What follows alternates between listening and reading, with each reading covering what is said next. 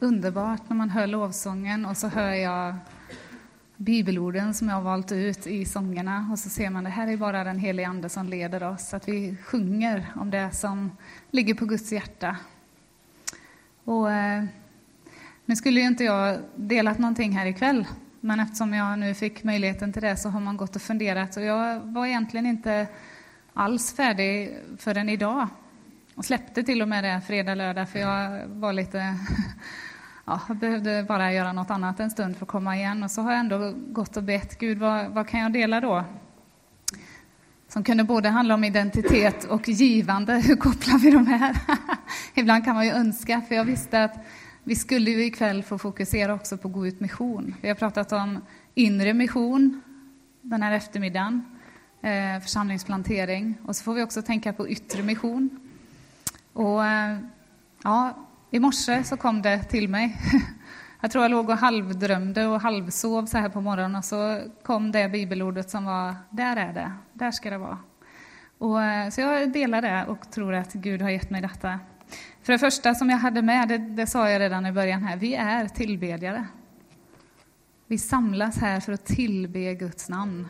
Och vi behöver göra det tillsammans, därför att det ligger en kraft i att vi får höja våra röster som en röst att vi får lovprisa den enda guden och känna att han är så mycket större än någon av oss. Det förlöser en kraft och en... Eh, det är stort att få göra det som församling. Vi får tillsammans liksom bli fullheten i det som Gud vill visa här på jorden. Det här behöver inte minst vi för att gå genom veckan i det vi ska gå i. Vi kommer för att tillbe, därför att i tillbedjan så gör Gud någonting med oss. Han liksom ändrar om vårt fokus så att det sätter sig på honom. Och allt det andra som har så lätt att dra vår uppmärksamhet, det får vika åt sidan därför att han är Gud. Och så får vi stilla ner oss. Och så kommer de här orden, vi vill ge dig ära, Herre, ditt namn, inget annat namn. Nu citerar jag helt fel, men bara liksom just det här fokuset på vem du är, Gud. Vi är tillbedjare. Det är någonting vi är till vår natur sen Gud har förvandlat oss, gett oss ett nytt hjärta, en ny ande. Och det här bibelordet hade jag med mig innan i morse. Då står det så här i Romarbrevet 8, 14-16. Alla som drivs av Guds ande är Guds barn. Ni har inte fått slaveriets ande så att ni på nytt måste leva i fruktan. Nej, ni har fått barnaskapets ande och i honom ropar vi Abba, far. Anden själv vittnar med vår ande att vi är Guds barn. Vi sjöng det här förut. Vi ropar Abba fader, värdigt är ditt namn. Vi ropar Abba fader. Och jag tänker det är som ett hjärtslag på något sätt. Gud har gett oss av sin ande så att hans ande tillsammans med vår ande vittnar om vilka vi är. Abba, fader, värdig, helig. Och det är liksom bara går så här som en ton genom våra liv. Vår ande får vittna tillsammans med Guds ande att vi är Guds barn, att vi tillhör honom. Och det gensvaret som sker, det är ju liksom när det står vi ropar Abba, Fader, så tänker jag det ropet är inte att ropa efter Gud, utan det är ett, en bekännelse. Det är ett lovpris. Abba, Far. Du är min pappa, du är värdig, du är helig. Och så får det här liksom bara röra sig som ett hjärtslag i vilka vi är. Den andra biten som då kom i morse, det var berättelsen om den barmhärtige samariten. Vi ser hur vi knyter ihop de här två. Och eh, jag, läs, jag ska läsa det från Lukas 10. Ni kan bara lyssna, för jag vet att ni känner igen den här berättelsen. Nu kommer ni känna igen en till lovsång vi precis sjöng. Vi vill älska dig, Herre. Lär mig älska dig av hela mitt hjärta. Så här står det i Lukas 10 och 25 och framåt. Sen kom en laglärd fram för att pröva honom, alltså Jesus, och frågade Mästare, vad ska jag göra för att få evigt liv? Och Jesus sa till honom, ja, vad står det skrivet i lagen? Hur läser du där? Och han svarade, du ska älska Herren din Gud av hela ditt hjärta, av hela din själ, av hela din kraft och av hela ditt förstånd och din nästa som dig själv. Och Jesus sa till honom, du svarade rätt, gör det så får du leva. Då ville mannen rättfärdiga sig själv och frågade Jesus, men vem är då min nästa? Och Jesus svarade, en man var på väg från Jerusalem ner till Jeriko och råkade ut för rövare. De slet av honom kläderna, misshandlade honom och sen försvann de och lämnade honom där halvdöd. En präst råkade komma ner samma väg och när han fick se mannen gick han förbi. På samma sätt var det med en levit. Han kom till platsen och såg mannen och gick förbi. Men en samarier som var på resa kom också dit, och när han såg mannen förbarmade han sig över honom. Han gick fram och hällde olja och vin i hans sår och förband honom. Sen lyfte han upp honom på sin åsna, tog honom till ett värdshus och skötte om honom. Nästa dag tog han fram två denarer och gav det till värdshusvärden och sa Sköt om honom, och kostar det mer ska jag betala när jag kommer tillbaka. Vem av dessa tre tycker du var en nästa för mannen som råkade ut för en rövare? Och han svarade, den som visar barmhärtighet mot honom. Och då sa Jesus till honom, gå du och gör som han.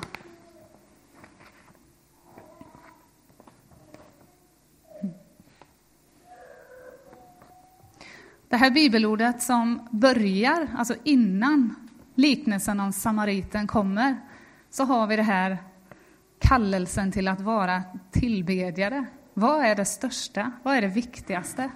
Älska Herren din Gud av hela ditt hjärta, hela din själ och hela din kraft och hela ditt förstånd. Ja, där var jag med. Det var liksom, yes, det här är att vara en tillbedjare.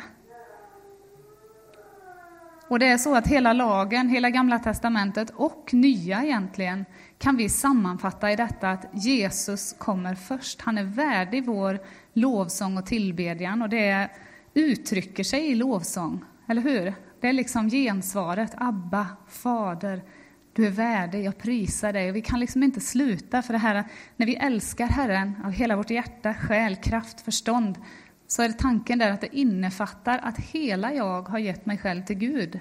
Jag har inte hållit något tillbaka, inga önskningar, inga saker som jag har en fot i världen och en hos Gud, utan nej, du får ta hela mig. Men sen är det inte bara det, utan det finns också ett uttryck av den här kärleken som är praktiskt. Och där fortsätter i vers 27 då att älska din nästa som dig själv. Och då har vi det här uppenbara sättet som liknelsen visar, att han hjälper den nödställde. Vi får liksom se ett sätt där, där vi får leva som kristna, att vi ska se våra medmänniskor. Hur är man en nästa? Vi visar barmhärtighet, vi visar nåd, vi visar kärlek, vi, vi är Jesus för våra medmänniskor. Och det är ett naturligt, praktiskt uttryck av vår tillbedjan kan man säga. Det hör lika mycket till tillbedjan och lovsång som det vi gör här nu. Att vi tar med oss det här ut ifrån kyrkolokalen och så när vi möter människor så möter vi dem med nåd, barmhärtighet, kärlek, vänlighet, allt vad det är som Anden liksom ger oss, de här frukterna får ta sig uttryck i våra liv. Gå och gör som han, står det där.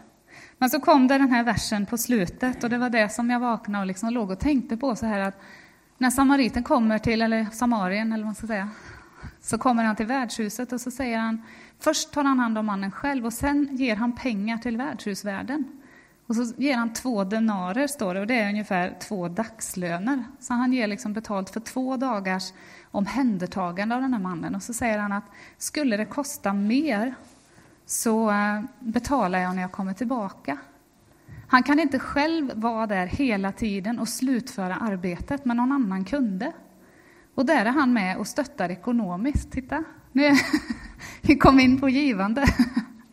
Och jag tror också att det är ett uttryck för oss som tror. Det finns tillbedjan och lovsång i att vara en givare. Det visar att inte ens det mina tillhörigheter är inte längre mina egna, utan det tillhör Herren. Ju närmare vi kommer Gud, desto mer blir vi medvetna om att ingenting jag har, har jag för att jag har förtjänat det själv. Det är bara Guds nåd. Det finns ju ingenting som säger att ja, men jag skulle bli född i Sverige. Det är bara nåd att jag finns här. Och jag kan istället säga, Gud, hur vill du att jag ska använda den nåden att jag får bo i Sverige, det här fria landet? där jag har så mycket resurser till hands. Hur vill du att jag ska tänka på det jag har? Mina ägodelar, min tid. Vad kan jag göra? Eller vem vill du att jag ska vara? Hur vill du att jag reflekterar dig med mina ägodelar? Det, är liksom, det rullar på så här att i hela livet så får vi tillbe Gud med lovsången, med vårt hjärta. Vi får göra det i uttryck mot andra människor. Och sen kanske på det här tredje sättet, att jag kan gå in och säga, här är två dagslöner, kan du ta vid? För jag kan ge dig två dagslöner för att ta vid det arbetet jag inte längre kan vara med och göra, för jag måste hem. Eller jag måste till arbetet, eller vad det kan vara.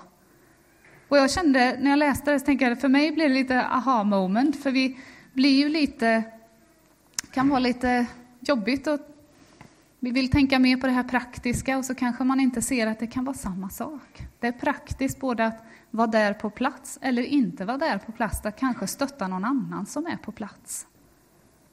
Det är lika viktigt. Evangeliet får uttrycka sig praktiskt på så många olika sätt.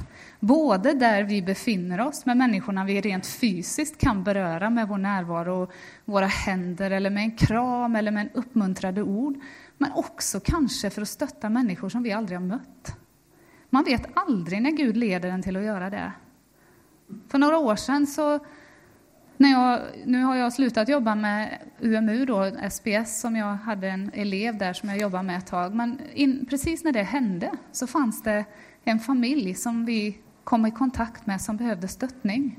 Och jag ser i efterhand att det var en sån gudagiven stund att jag skulle träffa den här personen, eller träffa, vi har aldrig träffats, men jag skulle vara den som kunde veta att här finns ett behov som jag kan möta idag. Ibland gör ju Gud på det viset att vi möter människor och så är det du som är lösningen. Jag tycker det är fantastiskt att Gud gör på det viset, för det tränar ju oss att vi i vår tur får lita på Gud med allting vi har. Med vår, alltså vi, vi pratar i bilen på vägen hit dessutom och pratar om att i vårt land så behöver vi kanske inte ha så mycket tro för dagen. För det är så lätt att gå till ICA och handla vad vi behöver. Jag behöver inte be Gud om hjälp att jag ska få skjuta den där renen och ha... renen, det finns kanske inga här, men... Ja. ja, ni förstår vad jag menar i alla fall. Vi kanske inte behöver den där vardagstron på samma sätt. Och på det viset kan vi vara lite fattiga i tron. Men alltså, i en del länder där jag måste verkligen lita på Gud för det dagliga, där finns det en större tro och man får se att Gud, du vill ju vara med i även detta. Där tror jag att vi skulle behöva växa en del, just till för vår egen skull. Att Gud fick växa på det området, där vi inte riktigt tycker vi behöver honom. Men om han fick chansen, tror jag skulle vara väldigt spännande. Vi kanske inte kan vara på, in, i, på plats i Indien eller Sri Lanka. Nu var jag ute på Gå ut missions hemsida och läste idag. Och så tänkte jag så här, vad häftigt att de åker till de här platserna där det inte finns några troende. Det är en väldig utmaning och det är inte alla kanske som ens är tänkta att klara den utmaningen, utan Gud kallar den som han vet att det här är din, du ska åka dit. Men de som åker behöver ju stöttning hemifrån. Ett helt team som ber, kanske ett helt team som är med och ger. Och det där är lika viktigt. Man blir en helhet tillsammans. Det blir Kristi kropp i funktion. Att vi finns här och vi ger en gåva som blir till mission i Sri Lanka eller i Indien eller någonting till människor som aldrig har hört om Jesus Kristus. Och så får vi, precis som den här barmhärtige samariten, lämna vår, ta det här, kostar det mer så återkommer jag. Vilken roll som vi kan vara med och göra. Värdshusvärden, han var ju kvar på plats och kunde liksom sköta det som behövdes. Vi har andra människor på plats ute i andra delar av världen och det finns människor på plats, som vi hörde från Marita här, i Bergsjön eller i Biskopsgården som arbetar för att se förändringar i vårt land. Men vi kan bistå där vi finns. Jag tycker det är en fantastisk bild av Guds rike, av Guds församling, att jag tror vi ska fungera så ännu mer.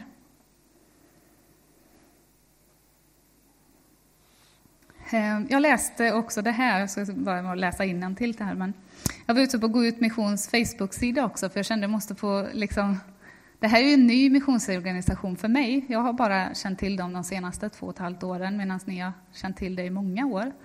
Men jag, ja, jag tycker det är fantastiskt. Allting som jag hör känner man en sånt där yes i hjärtat. Att vad gott att det finns de som går den här vägen. Och tänk att vi kan vara med på vår, där vi finns liksom med resurser. Och då skriver en av de eh, senaste inläggen så citeras någon som heter Michelle Blomqvist. Vet inte vem det är, men det kanske någon av er vet. Hon undervisar en grupp ungdomar där om identitet och auktoritet. tycker jag lät väldigt spännande passande. Så ja, jag blev nyfiken helt klart. Och så säger hon så här. People who know who they are change the world. Människor som vet vilka de är förändrar världen. Människor som vet vilka de är förändrar världen. Och jag tror att det är så, därför att när vi vet vilka vi är så är vi inte längre fullt upptagna med oss själva. Jag är inte fullt upptagen med att fundera över min plats i världen eller mina problem eller min, mitt och mina, som man kanske skulle säga, utan allt det där får dö så att Kristus får leva i mig och genom mig. Helt plötsligt så blir jag istället upptagen med Guds rikes problem, höll jag på att säga, uppdrag. Och så får jag vara med och se, Gud, vad gör du? Vad ska vi göra idag? Hur vill du använda mig idag? Jag behöver inte längre vara upptagen med min egen identitet, för den är funnen i Kristus. Allt det som kanske jag bekymrar mig över eller har jobbigt med. Jag kommer fortfarande möta svårigheter i livet, men varje gång jag ser dem så kan jag säga tack Jesus att i dig så får jag stå över det här problemet. Jag får gå igenom det här problemet. Jag får komma ut på andra sidan i likadan seger jag hade innan, därför att du har gett mig liv som varar för evigt. Den som vet vad man är kan vara med och förändra världen, därför att helt plötsligt så kan vi liksom spida på lite också. Det blir liksom inte lika otäckt, för vi vet att han som har skapat hela världen, han har koll på läget. Kallar han mig att göra det eller det eller det, det är bara att köra. Och vi börjar mer och mer känna igen när Anden säger någonting. Nu är det dags Sara, kan du vara med och ge här? Sara, kan du vara med och göra någonting här? Och så blir det inte lika besvärligt. Därför att det handlar inte om mig längre, utan Kristus i mig. Som Paulus säger, Galaterbrevet 2.20 vår kom ihåg-vers på bladet ni får med nu här nya programbladet, att nu är det inte längre jag som lever, utan Kristus lever i mig. Och det liv jag lever, det lever jag i tro på honom som har frälst mig. Se man citerar det helt rätt, men nästan i alla fall. Kristus lever i mig. Jag får vara upptagen med Guds rikes uppdrag istället för mina egna. Ja, det hade varit jättefint att få höra live-rapporter om Gå ut missions arbete idag. Men jag, jag, kände faktiskt väldigt starkt för att vi tappar inte detta med att ge till Gå ut mission idag för att han inte är här. För att inte Rickard är här, utan jag, jag säger så här istället att nu hoppas jag att Guds ord får utmana var och en av oss att vara delaktiga för vår nästa. Det behöver inte vara vår nästa precis där vi kan ta på dem, utan det får också vara i Sverige, men här då internationellt också. Så vi får tänka på hela spannet idag och fundera, Gud, hur vill du att jag är delaktig? Hur kan jag vara med i det här som vi nu har hört från Marita i eftermiddag om församlingsplantering? Där behöver vi alla gå hem och be och se, Gud, vad, vad kallar du vår församling till att göra? Hur, vad ska vi tänka? Men rent praktiskt nu i stunden så kan vi också säga, Gud, hur mycket ska jag ge idag? Vad får jag vara med och göra, precis som den här barmhärtige samariten? Vad kan jag vara med och ge för en dagslön för att de människorna som är ute i fält ska ha vad de behöver? Och så får vi stå tillsammans som Guds församling och göra en förändring i den här världen. De som vet vilka de är förändrar världen. Så det kan vi få vara med och göra ikväll. Och jag säger det utifrån Guds ord. Jag vill inte komma med egna idéer här, utan jag ser detta i Guds ord, den här samarbetet, givandet, lovprisningen, Gud i centrum. Han får styra våra hjärtan, vårt agerande gentemot andra människor, men också vad vi gör med våra ägodelar. Till och med där får vi vara med och ära honom. Ordspråksboken talar om det, att ära Gud med våra ägodelar. Det tror jag kanske är den största utmaningen för oss idag. Vi har det fantastiskt bra och det utmanar oss enormt att tänka att är det bara för mig eller är det för någon annan också? Så nu när vi går in i lovsång här igen så ska vi ta upp kollekten till Gå ut mission. Och när swishnumret kommer så får du gärna markera att det är till Gå ut mission. Eh, men jag vill att vi ska be. Det är liksom inte bara vi ska ge, utan Gud, vad vill du att vi gör? Hur kan jag vara delaktig i det som sker för ditt rike? Det här handlar om mer än oss, det handlar om vår nästa, att vi får göra det som Jesus kallar oss. Han säger ju, gå och gör likadant efter den här liknelsen. Gå och gör likadant. Det finns många delar i det. Älska Herren, hjälp din nästa praktiskt, ekonomiskt. Gå och gör likadant. Det är Jesu ord och så får vi liksom brottas med dem lite var och en av oss. Men jag skulle vilja att vi bara ber tillsammans och sen såklart så har vi förebedjare här på första bänk idag om du har något som är på ditt hjärta. Du kan också tända ljusen och lägga en bön här framme. Och så är vi inför Gud en stund till, men vi börjar där med också kollekten och det får vara en del i vår lovsång ikväll. Så vi ska be.